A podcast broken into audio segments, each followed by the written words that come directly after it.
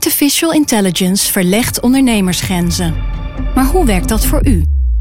Als transformatiepartner helpt Capgemini u kansen te ontdekken en benutten, zodat we uw ideeën tot leven brengen. Vorm uw eigen mogelijkheden met generative AI. Ontdek meer op capgemini.nl/slash AI. Capgemini. Get the future you want.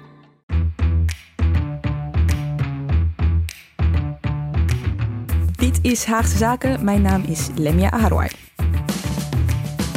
Nou, letterlijk zei iemand tegen mij: we gaan een kopje koffie drinken. En dan zie ik wel aan het gezicht of iemand betrouwbaar is, ja of nee.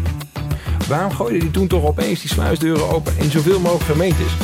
Is hij achter zijn computer gaan zitten en heeft hij een mail gestuurd aan uh, kandidaat.pvv.nl. Fijn dat je ons weer hebt gevonden. Dit is alweer aflevering 20 van dit seizoen. Aan tafel Titia Ketelaar, Hugo Lochtenberg en Enzo van Steenbergen. Titia, jij bent een hele poos geleden aangeschoven. Dat was nog in seizoen 1. Er zijn inmiddels een heleboel luisteraars bijgekomen. Vertel even kort wat jij doet voor de krant. Ik ben verslaggever en ik richt me speciaal op lokale politiek. En Hugo, ook al een tijdje geleden. Ja. Aflevering 2 over Eiveltje Berkmoes. Ja. Kun je even uitleggen wat jij doet voor de krant? Ja, ik ben ook verslaggever en ik richt me op alles wat beweegt. En, uh, en zo, ja, ja, jou kennen we inmiddels wel, hè? Ja, uh, ik was er vorige week nog. Ja, en jij hebt, maar het is nu wel relevant om te vermelden, jij volgt de PVV ook. Zeker, ja. Titia, waar gaan we het over hebben? Over de selectie en de screening van de kandidaten die meedoen aan de gemeenteraadsverkiezingen. Ja, en daar gaan we het nu over hebben, omdat maandag 5 februari is de deadline ja. voor uh, lokale partijen om hun kandidatenlijst in te leveren. Ja, die moeten allemaal bij de gemeentelijke griffiers worden ingeleverd. Dus nu is er voor sommige partijen nog een ontzettende scramble aan de gang om de laatste kandidaten te vinden. Of in ieder geval uh, hun goedkeuring te hebben dat ze ook op de lijst komen te staan. Nou hebben we 380 gemeenten in Nederland. Ik kan me voorstellen als al die kieslijsten op een gegeven moment er zijn, dan hebben jullie focus, focussen jullie op een aantal lijsten. Ja, zeker. Interessant is, er zijn in ieder geval al, om eerst te zeggen, niet in 380 gemeenten verkiezingen, maar in 335. Er zijn een aantal gemeenten die al verkiezingen hebben gehad in november, omdat ze zijn herindeeld. En andere gemeenten, ja, we gaan natuurlijk kijken wat voor partijen doen er mee. Er doen waarschijnlijk net zoals vier jaar geleden zo'n duizend lokale partijen mee. Dus dat zijn partijen die niet een landelijke tak hier in Den Haag hebben. En we gaan kijken wie staan erop. Zijn er interessante lijsttrekkers, interessante lijstduurs, uh, interessante thema's die erop spelen.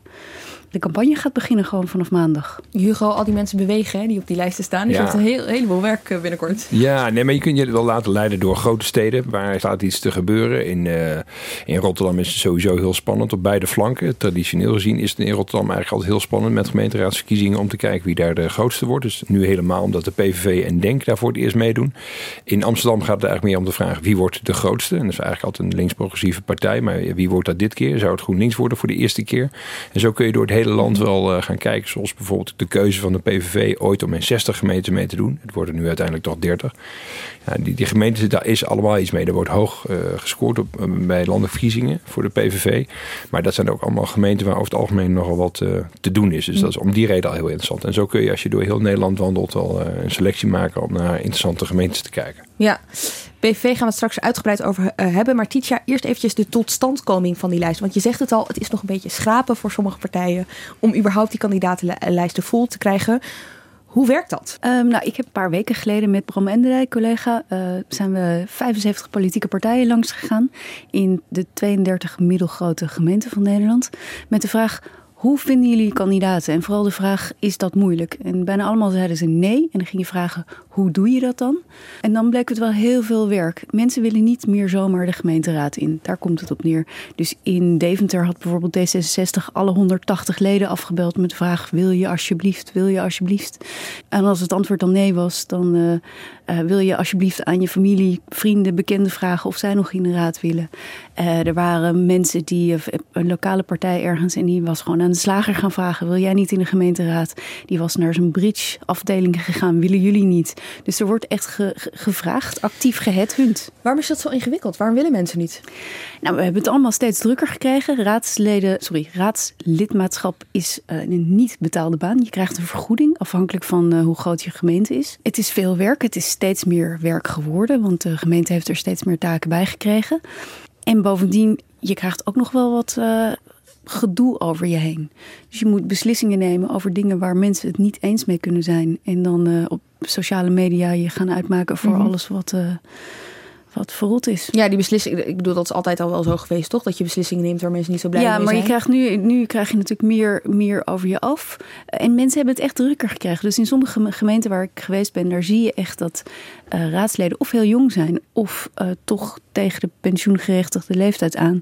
Maar dertigers en veertigers met kinderen worden steeds zeldzamer. Nou is er wel een verschil, want er zijn bepaalde gemeenten. Hugo zei net al Rotterdam, Amsterdam, Haarlem. Als je daar gemeenteraadslid bent, dan loop je nog wel eens in de kijker. Zeker als je bij een landelijke politieke partij hoort. Dat je dan misschien wel hier op het Binnenhof kan belanden. Maar als jij gemeenteraadslid bent in, nou noem maar wat, Emmen of Almelo. Mm -hmm. Dan is dat alweer veel moeilijker. Dus als je een politieke carrière wil hebben, dan, dan moet je naar Leiden of naar ja. Haarlem of zo. Ja, ik sprak een CDA, die is in uh, Overijssel uh, actief en deed recruteren van nieuwe raadsleden. En die zei gewoon, ja, weet je, mensen zijn ook gewoon bang voor een gigantisch afbreukrisico. Die hebben gewoon nog een baan daarnaast en die krijgen allemaal, zoals hij het zei, drek over zich heen voor een raadlidmaatschap waar ze dan een keuze in hebben gemaakt. En die werkgever zegt vervolgens, hey, joh, maar dat, kan, kan, dat niet stoppen of zo? Ja, dat kan natuurlijk niet stoppen, want je bent voor ja. vier jaar gekozen, mensen willen dat doen. Ja. Dus het, mensen zijn echt terughoudend ook omdat, ja, je moet het en combineren. En wat levert je vervolgens op? Het, het bedreigt soms letterlijk gewoon je reguliere baan. Dat is, uh, het is wel heel praktisch allemaal, zeg maar. Ik mis de ideologie hier een beetje in. Ja, maar de mensen die het dus doen, en zeker vanuit een ideologische partij of vanuit een partij die opkomst voor bijvoorbeeld gemeentebelangen of dorpsbelangen, die zijn dus ook, die doen het net zoals vrijwilligers hun vrijwilligerswerk doen, met een soort passie. Ja, ja en, merk, je, merk je verschil tussen die lokale partijen en landelijke partijen die ook lokaal er zijn? Landelijke partijen hebben soms een netwerk. Dus uh, de SP heeft gewoon een heel groot grondleger, om het maar even zo te noemen, dat al aan het uh, canvassen is en, en op uh, plein op folders staat uit te delen. En daar groeien mensen dan door naar raadlidmaatschap. Als lokale partij, lokale partijen zijn vaak geen ledenverenigingen. Dus die beginnen iedere vier jaar weer opnieuw met het, met het weer werven en vinden van kandidaten. Mhm. Mm -hmm. Sommige partijen zijn daaraan gewend. Bijvoorbeeld um, STIP in Delft, dat is een studentenpartij. Die zijn gewoon gewend dat ze een soort vloeibare basis hebben van studenten die, die gewoon weer uit Delft vertrekken. Dus die, die hebben een methode gevonden. En die zeggen ook, wij zijn vier jaar lang bezig met alle borrels afgaan, alle verenigingen afgaan om nieuwe raadsleden te vinden. Ja, en dat het zo moeilijk is, hè? Dus dan ben je al lang blij als je iemand hebt gevonden. Als de slager ja. toch zegt, ja, oké, okay, ik wil. Ja, dan ga je natuurlijk ook niet heel diep graven of ze wel geschikt zijn. Nou, letterlijk zei iemand tegen mij, we gaan een kopje koffie drinken... en dan zie ik wel aan het gezicht of iemand betrouwbaar is, ja of nee. En dat is echt een gigantisch gevaar. Hè? Ja. Dat is, ik, ik, ik, ik ken wel eens in burgemeesterskring, vind ik interessante mensen altijd mee te praten. En die maken zich daar echt zorgen om. Maar die krijgen straks een gemeenteraad voor zich die en heel versplinterd is... En zoals een van die burgemeesters heel mooi zei, er zitten mensen tussen die als ze 100 meter recht vooruit kunnen lopen en hun naam foutloos kunnen spellen, dan zijn ze raadlid. Ja, dat wil niet zeggen dat je een goed raadlid bent natuurlijk, in tegendeel. Ja. Dus wat hebben we dan met z'n allen uiteindelijk gekozen? Dus dat is echt een, dat is echt een probleem. Nee, dat zul je echt, daar kun je vergif op innemen. Dat ga je in de komende vier jaar zien. Het aantal raadsleden dat struikelt, en dus ook het aantal raadsleden en wethouders en burgemeesters dat gaat struikelen, dat gaat, uh, dat gaat toenemen. Dat kan bijna niet anders. Ja, het, het klinkt eigenlijk echt te bizar voor woorden. Maar ja, je zei het zelf net ook al, Hugo, het is wel de werkelijkheid. Dus Ja. mensen zijn er nou eenmaal niet. Nee. Want wat zijn de regels om op die kandidatenlijst terecht te komen? Niks. Nul. Uh, je moet uh, je, je legitimatie overleggen bij de gemeente. Je moet uh, zeggen, ik wil inderdaad op deze lijst komen te staan. Ik, ik stel me verkiesbaar. Maar er is geen, ja, je moet 18 zijn. Je, moet, je hoeft zelfs geen Nederlander te zijn. Je kan Europeaan zijn. Of je kan een, iemand zijn die al vijf jaar of langer in Nederland woont. Je hoeft niet de Nederlandse identiteit te Je hebben. hoeft niet een Nederlandse identiteit te hebben. Bij, dit gaat om gemeenteraadsverkiezingen. Uh, je moet gewoon in Nederland wonen. En, en boven de 18 zijn. En, maar er is geen, uh, geen vereiste van uh, IQ of uh, dat je. Van enige bekwaamheid. nee. Maar die fractieleiders die hebben dus heel groot vertrouwen eigenlijk in hun eigen mensenkennis. Ja. Dus inderdaad, en daar dat vertrouwen, gesprek... wij dan, waar vertrouwen wij dan weer over? Het, de volgende stap is, kijk, dit gaat om de kandidatenlijsten. De volgende stap is, vervolgens als iemand gekozen wordt... dan moet hij zijn geloofsbrieven aandienen, uh, aanbieden in de gemeenteraad. Dat komt er eigenlijk op neer dat drie andere raadsleden checken... is deze persoon wel wie hij is? En botst zijn dagelijkse werkzaamheid niet met het zijn van gemeenteraadslid. Maar dan nog gaan gemeenteraadsleden er vaak uit dat hun andere partijen in de gemeenteraad die screening op de een of andere manier wel hebben gedaan. Ja, en ik begreep dat je dus wel uh, één formulier moet ondertekenen. En dat is dat je inderdaad zelf ook toestemt dat je op de kandidatenlijst staat. Ja, je kan als partij natuurlijk denken van, nou ja, weet je, als ik maar tien namen of twaalf namen op die lijst zet en die dien ik in bij de gemeente, dan komt het wel goed. Want ik denk dat toch maar dat ik drie zetels krijg. Maar al die mensen op die lijst, die moeten dus verklaren... ik wil op de gemeenteraad. Dus wat je nu tegenwoordig vaak hoort... is van die lijstduwers die dan beroemde Nederlanders... bekende Nederlanders zijn. En die dan zeggen van ja, ik ben lijstduwer... maar ik hoef niet in de gemeenteraad. Ja, als jij met voorkeurstemmen wordt gekozen... je staat op die lijst. Dus um, dan moet je... Oké, je kunt je nog terugtrekken, toch? Dan moet je dus tegen je partij zeggen: Ik wil echt niet, ik wil echt niet. Sorry, maar op de lijst staan betekent dat je. Nee, je, stel je voor dat jij nummer 10 bent en de partij krijgt 10 zetels. Ja, dan zijn het tien zetels die opgenomen worden. En dat doen voor de goede orde alle partijen. Hè? Ja. Bijvoorbeeld Frits Bolkestein heeft gedaan voor de VVD. Job ja. Cohen heeft het gedaan voor de Partij van de Arbeid enzovoort. Dus dat gebeurt echt overal. Daar maken alle partijen zich schuldig aan. En wat gebeurt er eigenlijk ook wel, je ook wel openlijk, hè? Want je hebt in Limburg bijvoorbeeld uh, de voetballer Kevin Hofland. Een uh, oud voetballer van een paar Limburgse clubs, ook van uh, PSV bijvoorbeeld. En die was lijstduwer. En toen vroeg uh, de lokale media, vroeg ze aan Kevin Hofland van nou, zie je het zitten, het raadswerk? en toen zei hij, ja, ik heb eigenlijk niks met politiek. Wel eerlijk. Dus ik weet niet of hij dat formulier ook heeft getekend. je weet in ieder geval wel waar je op kiest dan. Goed, verklaring omtrent het gedrag. Ja. Dat hoeft dus ook niet. Dat hoeft niet, nee. Zijn er partijen die dat wel eisen? Ja, zeker. Nou, dat kwam omdat er dus dit jaar en vorig jaar veel werd gesproken over het risico van ondermijning van de gemeenteraad. Uh, heeft het ministerie van Binnenlandse Zaken een brief gestuurd naar alle gemeenten van let hierop en zeg tegen je politieke partijen dat ze die screening goed moeten doen.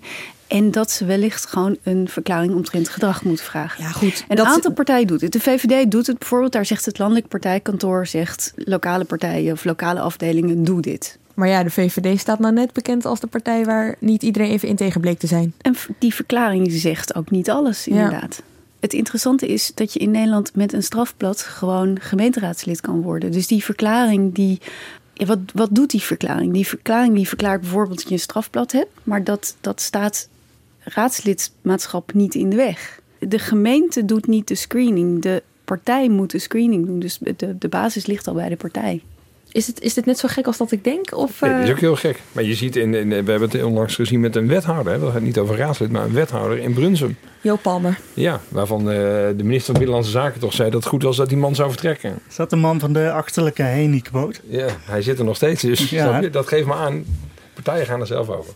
De achterlijke Heini-quote? Ja, hij had iemand anders een achterlijke Heini genoemd. En dat ja, was, uh, er zijn wat legendarische debatten. Ja, een van de tachtig voorbeelden van. Uh, ja, maar hij zit er nog, hè? Hij zit er nog uiteindelijk wel. Ja. Dus dat zegt natuurlijk ook wel wat over het zelfreinigend vermogen. Zou ik bijna, het is niet het zelfreinigend vermogen. Het is zeg maar, als iemand er eenmaal zit, hoe moeilijk het is om hem dan weer weg te krijgen. Ja, en ik heb, ik heb even opgezocht hoe dat zat met dat strafblad. Want ik dacht ook, ja, dat is natuurlijk heel gek als ik dat zo roep in, in deze podcast. Van dan met een strafblad kan je, uh, kan je gewoon gemeenteraadslid worden.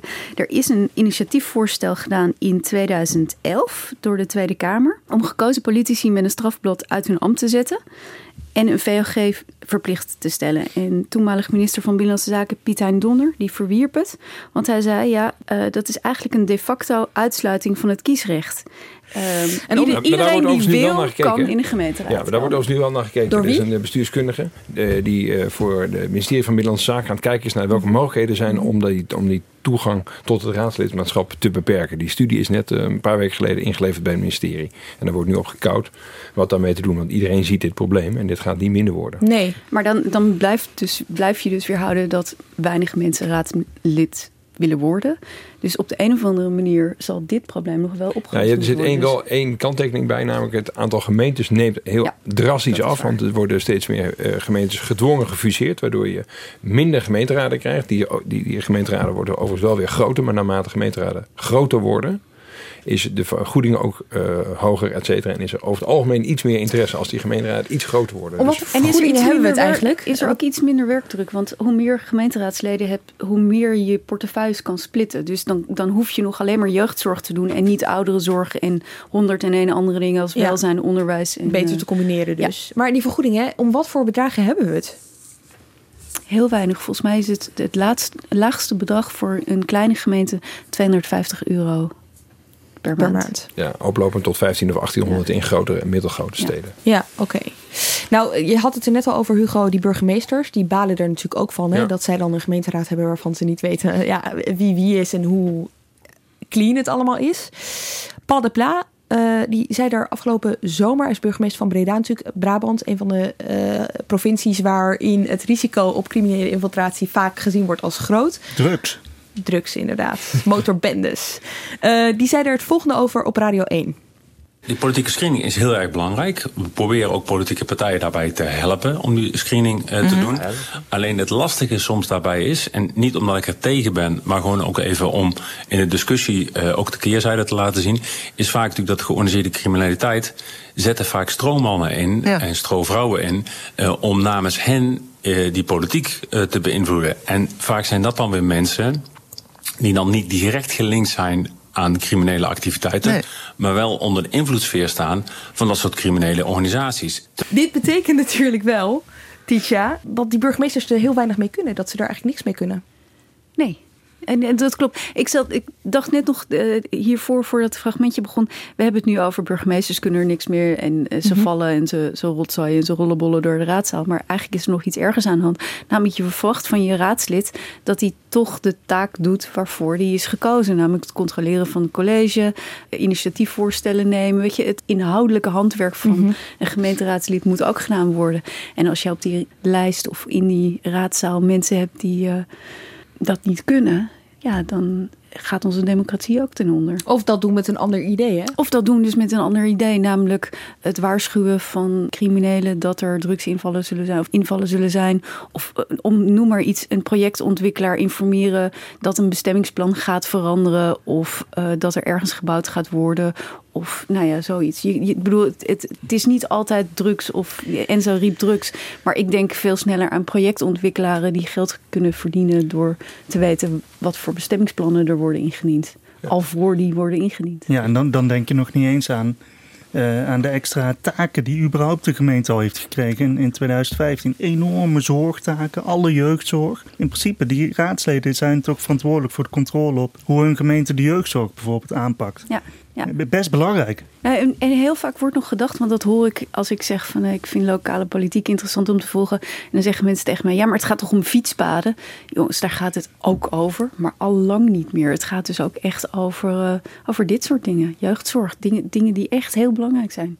Terug naar de selectieprocedure. Om maar meteen een praktijkvoorbeeld te noemen van die selectieprocedure en de problemen waar partijen tegen aanlopen. De PVV. Veel in het nieuws de afgelopen tijd en dan gaat het vooral om de schandaaltjes.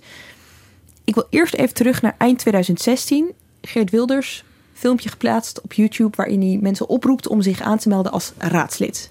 15 maart wordt een historische dag. Het is de dag waarop wij Nederlanders ons land gaan terugveroveren. De PVV wil in 2018 bij de volgende gemeenteraadsverkiezingen in zoveel mogelijk gemeenten mee gaan doen. En daar hebben we u voor nodig. Want de Partij voor de Vrijheid is niet alleen van de Nederlanders en voor de Nederlanders, maar vooral ook door de Nederlanders. Dus wilt u zich in uw gemeente inzetten voor ons geld, onze zorg, onze cultuur, onze veiligheid en onze lokale democratie? Houd dan mijn Facebookpagina goed in de gaten. Want binnenkort kunt u zich aanmelden om in 2018 in uw gemeente raadslid te worden voor de PVV. Ja, en zo, de PVV had ambities. Ze wilden echt in superveel gemeenten in één keer mee gaan doen. Grote ambities. Eh, in het begin, als je dit hoort, dan denk je van... eh, ze gaan in al die eh, gemeenten in Nederland gaan ze meedoen. De PVV is de tweede partij van Nederland. Dus misschien verwacht je ook wel. Dat is een partij die in alle gemeenten een lokale afdeling Ze zou zitten er nu in twee, hebben. Ja, in twee. In Den Haag en Almere. En nu zegt Wilders hier in dit fragment van... eh, het is een partij door alle Nederlanders. Nou, dat heeft hij jarenlang tegengehouden. Want hij is dus juist bang dat er ook allemaal eh, Nederlanders komen... eh, die zijn partij schade kunnen berokkenen. En uiteindelijk bleek, toen hij dit ging proberen... eh, bleek hij eerst in 60 gemeenten te willen meedoen. Maar die 60, ja, er waren toch niet genoeg aanmeldingen. En er waren ook eigenlijk niet zo heel goede kandidaten. Nu wil hij nog maar in 30 gemeenten meedoen. En maandag moeten we zien hoeveel het er dan echt worden. Ja, komt hij in de buurt? Verwachten jullie dat het er echt eh, 30 worden? Nou ja, je, je- je moet, ik zou het andersom bezien. En hier hoor je hem net zeggen, zoveel mogelijk gemeentes. Nou, dat klinkt hè, vrij ambitieus. Dan worden er later op een gegeven moment stelt hij bijna 60. En dat worden er nu maximaal 30. Mhm. Dus is maar één conclusie mogelijk: dat die werving van die kandidaat ontzettend moeizaam gaat. Is het misschien moeilijk uh, voor de PVV omdat zij ook geen partijstructuur hebben? Dat het, dat, dat het lastiger maakt om dan in één keer ja, 60 gemeenten te gaan beginnen of Ja. 30, whatever. Het is natuurlijk geen toeval Ja. dat het niet lukt. Tietje had het net over het, eh, eh, eh, de straatmensen van de, van de SP. Hè, dat, dat zijn al allemaal SP'ers en die zijn bekend in de partij. En al jarenlang weten ze bij de SP van... oh, die, dat groepje dat soms zit te discussiëren in Utrecht... daar zitten goede mensen bij. PVV heeft dat allemaal helemaal niet. Die hebben in de Provinciale Staten, doen ze in alle twaalf provinciën eh, doen ze mee. Daar zitten wat mensen, zijn ook vaak best wel oude mensen. Daar zouden ze uit kunnen werven, maar dat is een hele kleine pool. En voor de rest moet ook de PVV, eigenlijk net als een lokale partij, ja, eh, ofwel op Facebook alle Nederlanders oproepen, of ook eh, aan de slager vragen van wil jij misschien? Ja, en hoe doen ze dat zonder structuur? Zijn er gewoon een paar mensen aangewezen die de hele taak, taak maar moeten eh, Ja, nou ja, in feite hadden ze hier eh, begonnen met deze oproep. En daarna is een e-mailadres opengesteld. kandidaat.pvv.nl En daar verwachten ze dan een hele berg eh, e-mail. Ja. Eh, en die moest, die moest dan verwerkt worden door de leiders van de Provinciale Staten. Oké. Een van de lijsttrekkers waar echt naar uit werd gekeken wat betreft de PVV was die van Rotterdam. Hugo, waarom? Nou, omdat Wilde zelf altijd heeft gezegd, dat is eh, de plek waar we mee gaan doen. Is een van de eerste plekken. 2015 heeft hij al eh, laten doorschemeren dat hij daar mee wilde gaan doen. Om ze daar ook een beetje eh, de bank te laten worden van jongens, wij, wij, wij komen daar nog wel. Leefbaar wilde die bang maken. Zeker. En dus heeft hij ook gezegd, dat is ook de enige plek in Nederland waar ik zelf de regie wil houden. Hè, oftewel de werving en de selectie van kandidaten gaan doen. Dus dat was natuurlijk heel interessant waar hij daarmee zou mee komen. En dat werd Geza Hegedus. Nou, ik ben ontzettend eh, blij en trots om ehm, ja, toch vandaag ehm, de kandidatenlijst eh, voor de PVV Rotterdam eh, bekend te maken. En ehm, ik denk dat het goed is dat ik nu, voordat ik zelf weer te veel spreek, het woord geef aan onze lijsttrekker. Hier links staat hij, de heer Geza Hegedus. Gisteren werd hij nog op het schild gehezen, maar vandaag stuurt Geert Wilders, zijn Rotterdamse kandidaat voor de gemeenteraadsverkiezingen, alweer de laan uit. Ja, binnen 24 uur al, omdat er dubieuze uitspraken van hem zijn opgedoken uit het verleden. 24 uur. Hij heeft dus zelf de regie genomen omdat hij dit zo'n ontzettend belangrijke stad vond. Ja, ja, wat je niet hoort in dit fragment is dat hij zelf, dus die hekker dus daar aankondigt, maar ook zegt: deze man is geboren en getogen Rotterdammer, waar hij meteen even die achternaam eh, re- wil rechtzetten. Natuurlijk dat mensen niet PVV-aanhangers denken: wie hebben we hier nu eh, in de aanbieding? En vervolgens zegt hij er ook bij: hij heeft geen enkele politieke ervaring, maar staat toch met stipt op één. En dat was eigenlijk exact ja, de- het tipje van de sluier van wat de 24, in die 24 uur die volgde, eh, wat daar onder die sluier zat. Oké, maar eerst, jullie hebben hem gesproken met z'n tweeën. Ja, Ja. we hebben hem gesproken in eh, Rotterdam. En het duurde eigenlijk heel lang voor hij eh, eh, toestemde eh, om met ons in gesprek te gaan. Ja, hoe werkt dat? Want hij is echt dood. Hij is gewoon helemaal stil geweest nadat, ja, na- nadat hij moest opstappen. Ja. Hoe werkt dat? Hoe krijg je zo'n man alsnog. Nou, je zoekt, je zoekt zijn telefoonnummer. Oh, goed En dat vind je dan met enig zoekwerk op internet. Hij heeft bedrijven gehad en dan moet je het toch wel bekendmaken.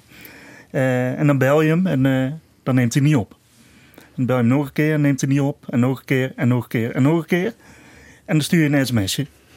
En eh, dan vraag je van, joh, ehm, er is heel veel nog onduidelijk. Waarom bent u eigenlijk van die lijst gegooid? Klopt het wat er over u wordt gezegd en de uitspraak die u heeft gedaan?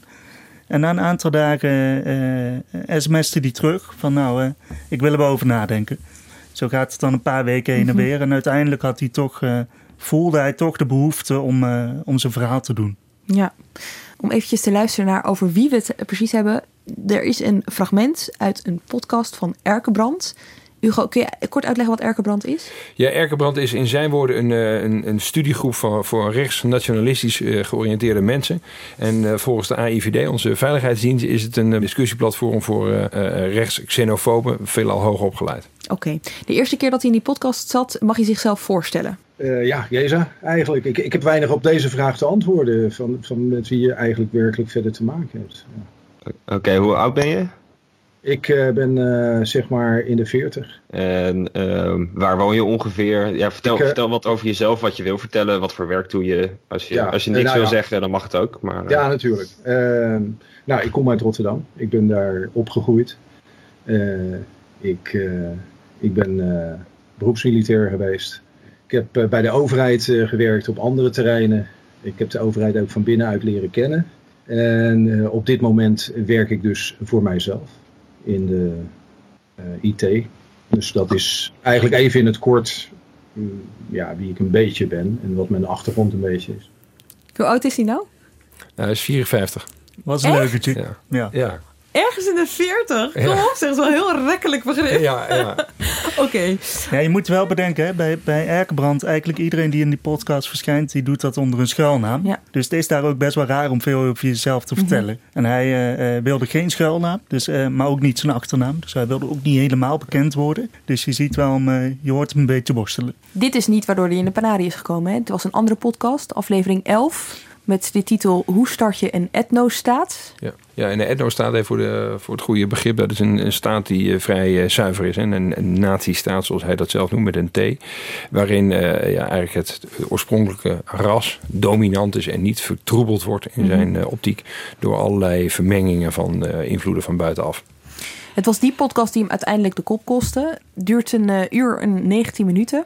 We hebben helemaal afgeluisterd en we hebben er een compilatie, dus dat is belangrijk om te benadrukken, het is een compilatie van gemaakt om een idee te krijgen ja, waar dat dan over gaat. De grote fout die ik vaak gemaakt uh, zie worden in, in nationalistische kringen, is dat het eigenlijk alleen maar, net zoals bij Geert, om die Mohammedanen draait. Maar het draait niet alleen om de Mohammedanen, het draait om de niet-blanke, niet-Europese volkeren. Kijk, in mijn omgeving merk ik gewoon een groeiende irritatie naar de negers toe. Wat zie je lopen? Grotendeels alleen maar negers met Nederlandse uh, jonge vrouwen. Dat is wat je ziet. Dat is het grote gevaar. Het klinkt misschien uh, een beetje degenererend. Maar de neger die houdt, er, die houdt ervan om onder de blanken te leven. Maar Chinezen zijn nou juist een van de grootste gevaren die je kan bedenken. Ja. Want, ze, want ze molesteren je, je samenleving van binnenuit. Ja, maar dan heb je ja, bijvoorbeeld ook een groep als Molukkers. Ja, maar die vind ik, die moeten echt weg. Maar dan zitten we nog steeds met de Surinamers en Antillianen. Hoe we dat dan ja. aanpakken. Nou, die moeten gewoon terug. Punt. Dat is een politieke wil. Heb je of heb je niet. Kijk, je kan niet sentimenteel zijn in die dingen. En mededogen is in Afrika eigenlijk uh, zwaar onderontwikkeld. Kijk, op het moment, de kasteelheer in het verleden, als jij het kasteel bestormde, werd je er gewoon van afgeschoten. Dat is precies wat bij de grenzen moet gaan gebeuren. Op het moment dat die volksstammen op ons afstormen, zullen we het kasteel moeten verdedigen. En als we dat niet willen, of we hebben de politieke wil niet, dan moeten we ook niet klagen dat we vernietigd worden. Ja. Kijk, als zij dadelijk weer in een tent leven, dat is niet ons probleem. en, ik, en ik denk daarnaast ook dat, dat, we, dat, dat er geen gematigde moslims bestaan. Dat een heleboel wat gematigd genoemd wordt, absoluut ondersteunt wat een heleboel van die niet gematigde uithalen. De, politieke agenda is dat wij moeten verdwijnen. Dat is de werkelijke agenda. Dit betekent het einde van hem. Laten we terug naar het begin. Wie is deze man? Ja, dat vonden we natuurlijk een interessante vraag. ook om allereerst te weten wie is deze man en hoe komt hij in de politiek terecht. En wat je vaker ziet bij, uh, bij zeker ook de PVV, is dat eigenlijk het, het, licht wordt ontstoken door Fortuyn. De opkomst van Fortuyn in 2002. En hij is echt een Rotterdammer. En dat is bij hem ook echt een heel belangrijk moment geweest. Hij, heeft, uh, hij wilde eigenlijk hij al zijn boeken gelezen van Fortuyn en wilde bij hem thuis langs om ook zijn, zijn steun te betuigen, et cetera. En dat ja, heeft hij eigenlijk lang mee getreuzeld. Toen werd Fortuyn uh, is, helaas op gruwelijke wijze al uh, vermoord. En daar heeft hij eigenlijk tot op de dag van vandaag spijt van dat hij dat niet heeft gedaan. Maar dat is een belangrijk moment in zijn denken geweest. Hij was zijn hele leven al politiek geïnteresseerd geweest. Uh, erg constructief van aard, zegt hij zelf. Stemde zijn hele leven VVD. En uh, heeft dat eigenlijk tot op de laatste Kamerverkiezingen na ook altijd gedaan. Toen heeft hij op Wilders gestemd. in 2002 heeft hij op Fortuyn gestemd.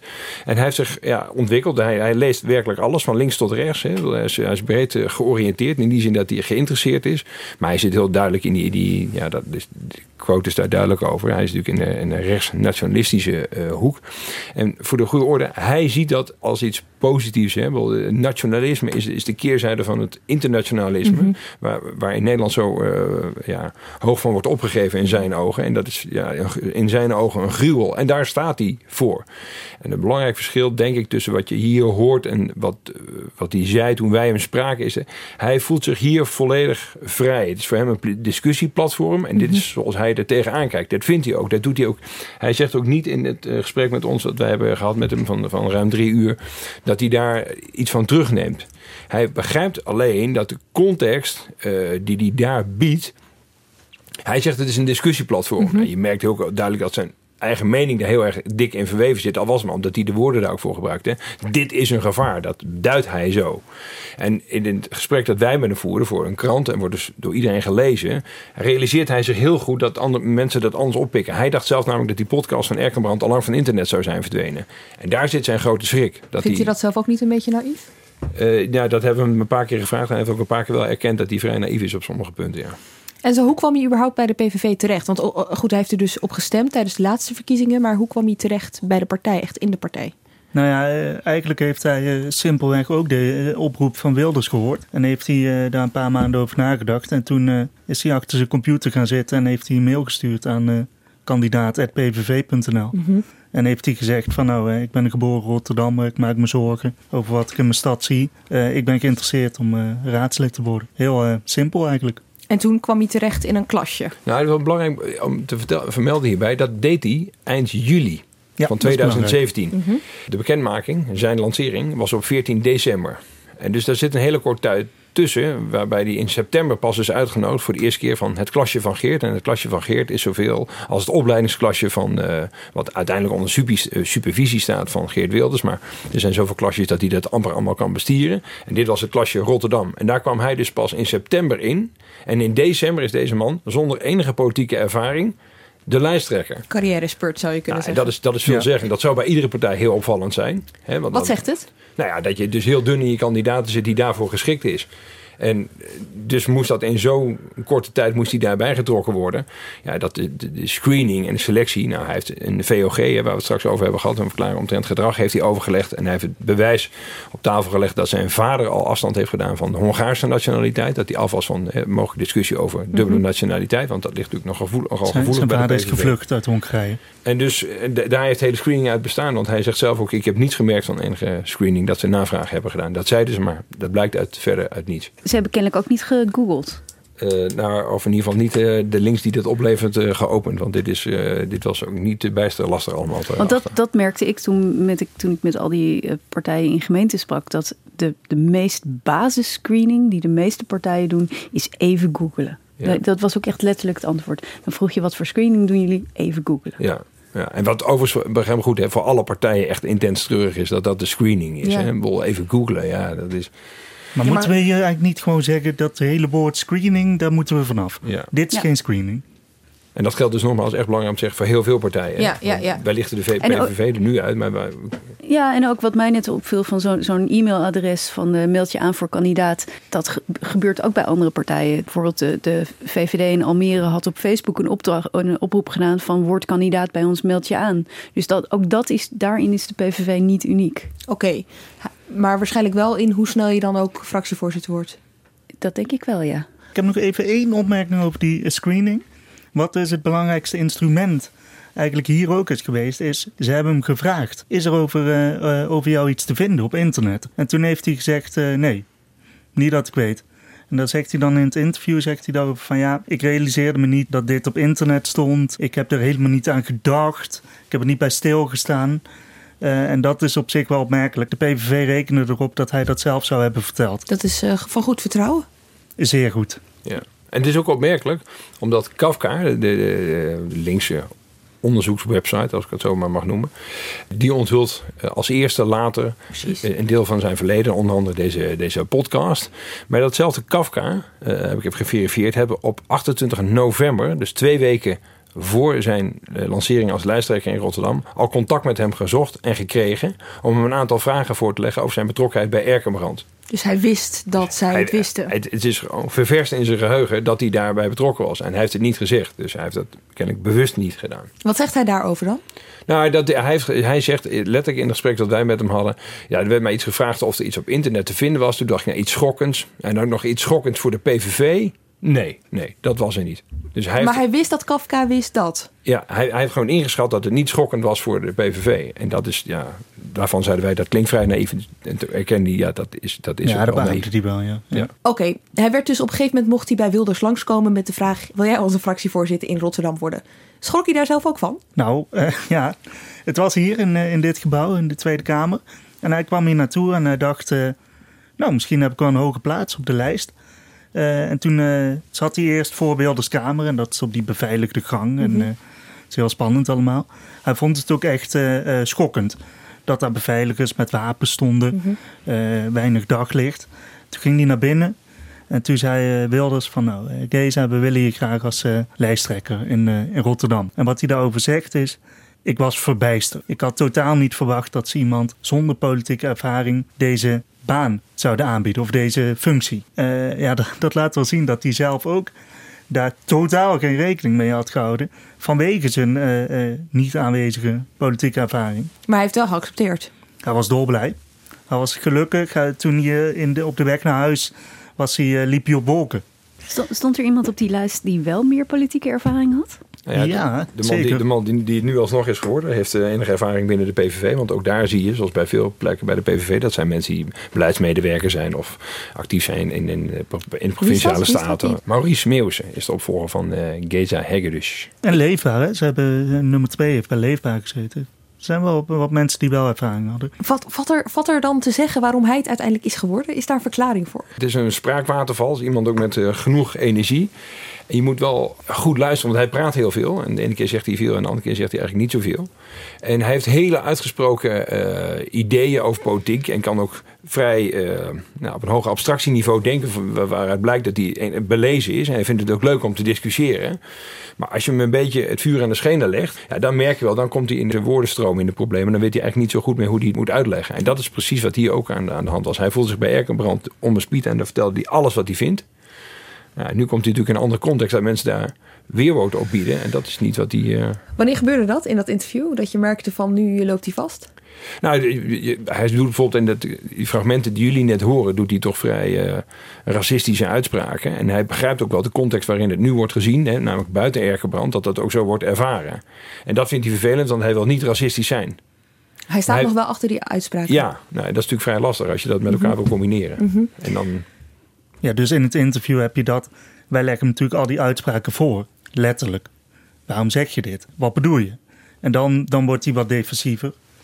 En uh, eigenlijk zijn uitleg uh, over het geheel is ik wil dat alles besproken moet kunnen worden. Dus ook ras, ook een etnostaat. Ja, dat is natuurlijk wel iets fascinerends in Nederland. Hè. Dat blijft maar opkomen de hele tijd, bij, zeker bij die nieuwe rechtse partijen. Je moet het kunnen zeggen. Ja, terwijl je dan toch echt de vraag moet stellen... wat is er in Nederland dat er niet gezegd mag mhm. worden? Volgens mij is, is de vrijheid van meningsuiting in weinig landen... zo ruim bemeten als in Nederland... En dan komt hij ook okay, daarna gevraagd: wat is het beste voorbeeld van iets wat niet benoemd mag worden? En dan zegt hij: dat is etniciteit. En dat is precies waar hij zich onderscheidt van Wilders. Want daar wil Wilders niet aan. En dat is precies wat hij wel wil. Hij wil benoemen dat die etniciteit. Dat in zijn woorden de Turken en de Marokkanen hier de boel overnemen. En dat in zijn woorden de negers aan de haal gaan met de blanke vrouwen. Ja, zelfs dat mag je zeggen in Nederland. Maar je weet dan ook wat je krijgt in een democratische rechtsstaat. Dat mensen daar tegen in verweer komen en hem daar vragen over gaan stellen. Dat is natuurlijk precies het verschil. En ja. Wilders weet dat als hij dat toestaat, dat hem dat electoraal pijn gaat doen. Want daar haken mensen op af. En dat is precies de reden dat deze man er binnen 24 uur ook weer uitgezet werd. Aan het begin van die 24 uur, vlak voor de presentatie, wat gebeurde er? Um, hij wordt, uh, dus, wordt ochtends uh, wakker. Hij had moeite met inslapen, want uh, hij vond het wel spannend natuurlijk. want je moet je voorstellen, dit is een man die totaal anoniem heeft kunnen leven. Tot die dag. Um, hij gaat naar Den Haag, stapt hier met Wilders in de auto. En Wilders zit op zijn telefoon. Voor zeggen dus is dit een heel intimiderende situatie eigenlijk. Hij ziet de beveiliging in zo'n rijtje rijden dan met verschillende auto's. En dan komen ze aan bij die uh, moskee in Rotterdam. En daar staat dan een haag aan journalisten. Iets wat hij nog nooit heeft meegemaakt. Ze stappen uit, die deuren gaan tegelijk open. En ze lopen naar die journalisten toe en dan uh, begint de presentatie. En op het moment ook dat hij Rotterdam inrijdt, dan beseft hij ook van ja, die anonimiteit is nu voorbij. Nou, en dat is wat er gebeurt. Hij, hij stapt uit die, uit die beveiligde auto's. Dat gaat natuurlijk allemaal volgens protocol. Met Wilders, die dat heel geroutineerd doet. Want dat is een zeer ervaren man natuurlijk. Dus die zet dus En die nummer twee, die is van Leefbaar Rotterdam is gekomen. Mhm. Die, direct, die drukt hij daar voor een paar door de politie geplaatste dranghekken. En daar is een schitterende foto van ook. Waarbij je echt, eh, ik denk 20, 25 journalisten ziet die allemaal staan te hengelen om een quote. En dus vanuit zijn perspectief genomen. Als je dat nooit eerder hebt meegemaakt en je wordt gelanceerd als lijsttrekker van de PVV in Rotterdam voor de grote Essalam moskee, waar op de achtergrond denk inmiddels staat te demonstreren. Ja, dan heb je wel enige ervaring nodig om dat in context te kunnen plaatsen en dan nog een goed verhaal te kunnen brengen. En dat had hij niet. Nee, hoe dan ook, hij wordt gepresenteerd als de man. En dan diezelfde avond wordt hem gevraagd om zijn telefoon uit te zetten. Zeg maar, dit gaat allemaal goed georganiseerd. Dus eh, er is met de PVV besproken welke das hij aan zal doen, welk pak hij aan zal doen. Uh, zijn tekst is geoefend. Uh, en inderdaad, aan het eind van de dag heeft Wilders geadviseerd. Joh, zet vanavond je telefoon uit, even tot rust komen. Geen journalisten te woord staan. Dus hij gaat een boek lezen, gaat dan slapen en wordt de volgende ochtend wakker. En dan krijgt hij een sms van de, van de PVV. Uh, in dat sms'je staat van joh, uh, er is iets aan de hand, we moeten met je praten, we komen nu naar je toe. En dan uh, komen ze naar, hem, naar zijn huis en daar laten ze hem een tablet zien. En op die tablets is, is de publicatie te lezen van Kafka. En het interessante is, Kafka heeft op de avond ervoor al een tweet uitgedaan... dat ze de dag erna met iets gaan komen over de lijsttrekker van de PVV. En bij de PVV wordt de Kafka-site bijzonder goed gevolgd. Oh ja? Ja, absoluut. Dus die zijn al helemaal alert over wat daar gaat komen. Maar Hegedouche heeft zijn telefoon uitgezet, dus die is het allemaal ontgaan. Dus op het moment dat die mensen hem die tablet laten zien met de publicatie van Kafka, is hij in eigen zeggen totaal overvallen, want hij heeft geen idee wat ze hem laten zien. Dit is bovendien voor hem al een jaar geleden. Dus het gaat onder andere over de uitspraak over de negers, zoals hij mhm. zelf zegt. En hij, hij mist de hele context voor zijn gevoel. En hij moet dan zeggen: Heb je nog contact met Erkenbrand? Nee, dat is er niet. Maar voor de PVV is de hele Erkenbrand een nieuw verhaal. En daar zijn ze al heel ongelukkig mee. Laat staan wat hij daar gezegd heeft. En hij wordt eigenlijk gewoon volledig overrompeld door de hele situatie waarin hij is beland. Hij wil het uitzoeken. Die tijd is er amper. En mensen gaan de deur uit. Terug naar eh, Den Haag. En voordat hij alle sites en alle berichten heeft gelezen van Kafka en alles. Iedereen neemt het over dan, hè? Iedereen neemt het over. En AD en alle andere media voegen er weer iets aan nieuws aan toe. En voordat hij dat heeft gelezen, wordt hij al gebeld door de tweezelfde PVV'ers die de telefoon op de speaker hebben gestaan. En dan is het uh, einde oefening. En dus voor hij zich realiseert wat er aan de hand is, is hij alweer lijsttrekker af. Hoe vertellen ze het? Uh, letterlijk uh, wordt er tegen hem gezegd: Geza, we nemen bij deze afscheid. Dat is een heel kort gesprek. En dan gaat vervolgens gaat het persbericht van Wilders eruit. En dat ligt er niet om. Tot onze grote spijt hebben wij kennis genomen van nieuwe, ons niet bekende informatie rondom lijsttrekker Geza Hegedus. Deze informatie is onaanvaardbaar en past niet bij een PVV-politicus. Betrokkenen is per direct van de lijst verwijderd. Ja, en dat is ook al op zijn wilders geformuleerd. Hè? Even informatie, nieuwe informatie. Dus hij gaat niet in op wat dan welke informatie. Want waar valt hij nou precies over? Wat, wat hier bijvoorbeeld nog helemaal niet bij zit, is dat Higger dus in 2014, doe ik even uit mijn hoofd. Dat is een Facebook-site van uh, David Irving, een bekend Holocaust-ontkenner. Mhm. Veroordeeld daarvoor. Veroordeeld daarvoor zelfs een, eh, een, eh, een bericht plaatst. Uh, waar hij hem feliciteert met zijn verjaardag en nog vele productieve jaren toewenst. Nou, als je weet hoe Wilders uh, staat tegenover Holocaust-ontkenning hoef je niet gestudeerd te hebben om te weten dat Wilders daar enorme aanstoot aan neemt natuurlijk. En hij niet alleen. Oké, je zegt hij was helemaal overrompeld toen ze voor hem stonden met die tablet. Hè? Hij had geen idee. Maar eigenlijk is dat toch niet zo met de kennis van nu? Want je zegt eerder deze uitzending, eh, Hugo, eh, dat hij op de hoogte was gesteld door Kafka. Ja, dus hij kan niet overrompeld zijn door het feit dat Kafka daar uh, achteraan zat. Hij kon niet uh, overrompeld zijn door het feit dat hij tot drie keer toe bij uh, Erkenbrand heeft opgetreden in een podcast. En dat zijn geen podcasts van een paar minuten, het zijn podcasts van meer dan een uur. Hij is bij een bijeenkomst van Erkenbrand geweest. Zijn inschatting is gewoon geweest dat dat zo'n vaart niet zou lopen. Dat dat, dat dat niet het probleem zou zijn. En het punt is, wij hebben hem uiteraard gevraagd... waarom heb je het zelf dan niet mhm. te berden gebracht? Want hij vindt, zoals hij ook zegt in dat fragment... dat de agenda van Wilders eigenlijk te smal is. Mhm. Nou, dat is een heel interessant discussiepunt, zou je denken. En daarvan is hij ook wel eerlijk... die gezagsverhouding was er helemaal niet.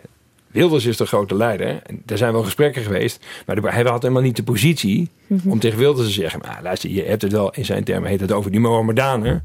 het probleem is veel breder dan dat, Geert. Dat, die positie had hij helemaal niet. En dat heeft hij echt onderschat en dat erkent hij ook. Ja, uh, over onderschatten en erkennen. Uh, Wilders zelf, die geeft uh, vrij snel daarna ook voor de microfoon van BNR toe... ja, ik heb misschien inderdaad wel een foutje gemaakt.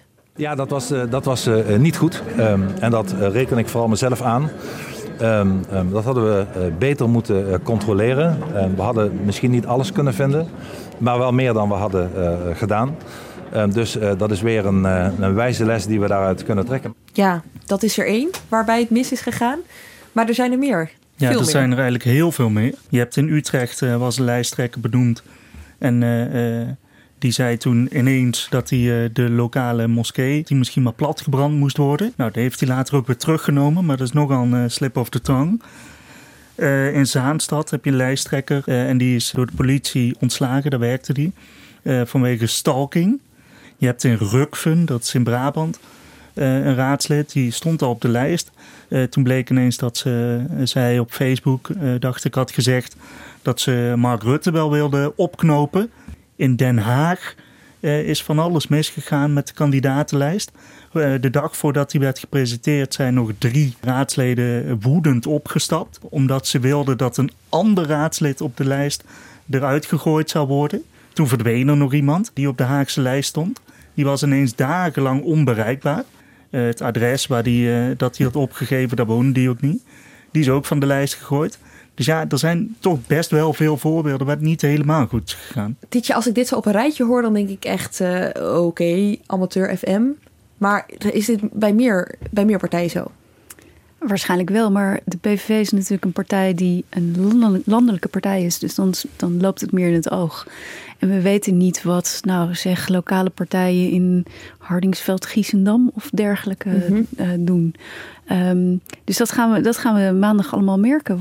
Ja, maar om, om al die mensen op de lijst te krijgen, heeft Wilders een tour gemaakt door Nederland? Ja, ja, ja en uh, op Twitter doet hij daar een soort van verslag van.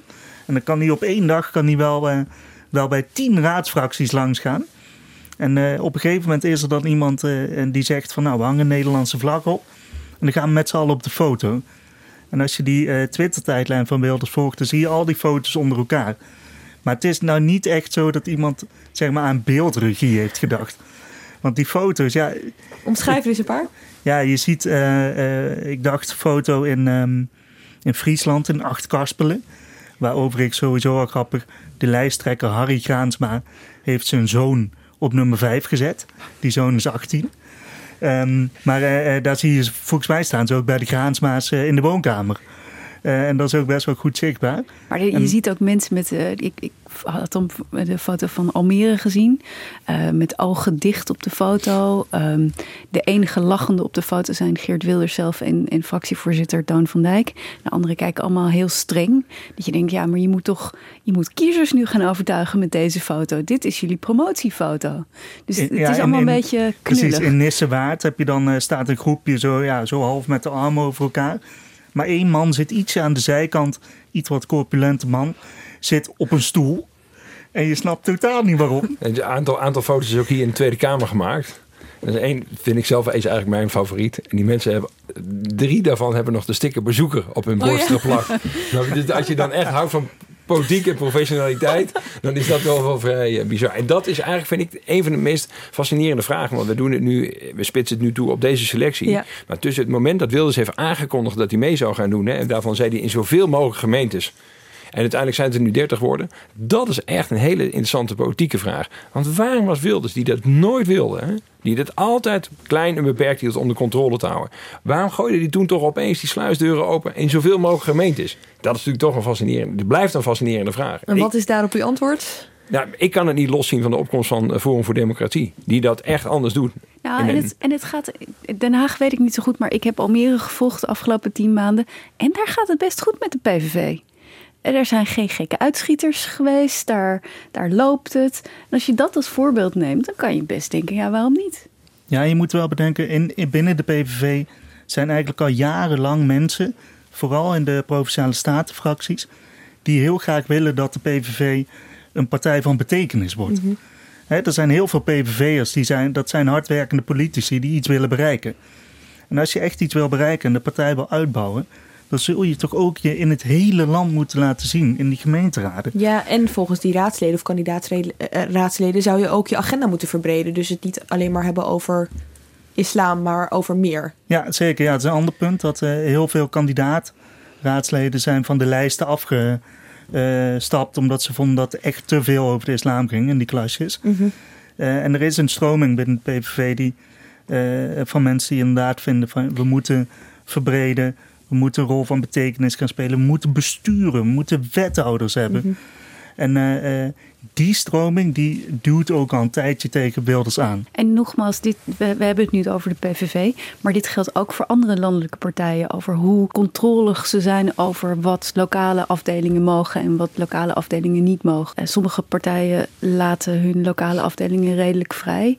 Ehm, maar we gaan de komende vier jaar zien hoe vrij, bijvoorbeeld bij de uitbreiding van Vliegveld Lelystad, hoe vrij gaan de coalitiepartijen tegen lokale gemeentefracties zeggen van uh, ja, je mag demonstreren en je mag uh, tegen het vliegveld zijn als de coalitie voor is. De spanning tussen de landelijke politiek hier in Den Haag en de gemeentepolitiek elders in het land. Eén afsluitende vraag. Meedoen in 30 gemeenten, als het al lukt, betekent ook het risico lopen dat je gaat verliezen in 30 gemeenten. Wat gaat dit de PVV brengen? Nou, winst. Als je in 30 gemeentes voor de eerste keer meedoet, heb je één garantie dat je in 30 gemeentes gaat winnen. Dat is fijn als je de eerste keer meedoet. Je komt namelijk vanaf nul. Dus Wilders is sowieso de winnaar. Daarom is Den Haag ook interessant, want daar baren ze een grote. En de eerste peilingen deze week lieten zien dat de PVV daar naar beneden gaat kelderen. En wie springt er omhoog? Een afsplitser van de PVV. Dus inderdaad, de uitslag wordt ook nog interessant. Dank jullie wel. Voor nu in ieder geval, want hier gaan we nog veel vaker over hebben de komende maanden. Tisha Ketelaar, Enzo van Steenbergen en Hugo Lochtenberg. Jij ook thuis. Dank dat je er weer bij was. Laat ons alsjeblieft weten wat je van Haagse Zaken vindt. Wat je misschien nog zou willen horen. Podcast.nrc.nl Achter de schermen werken heel hard Olaf Wempe en Henk Ruigrok mee aan deze aflevering. Ook aan hun veel dank. En ik zeg tot volgende week.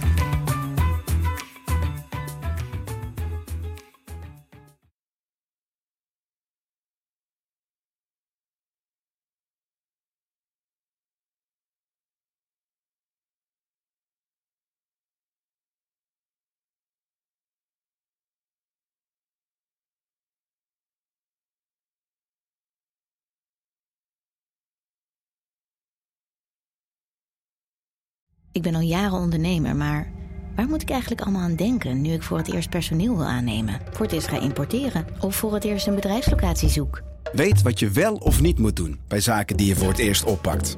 Check kvk.nl voor praktische stappenplannen. KVK, hou vast voor ondernemers.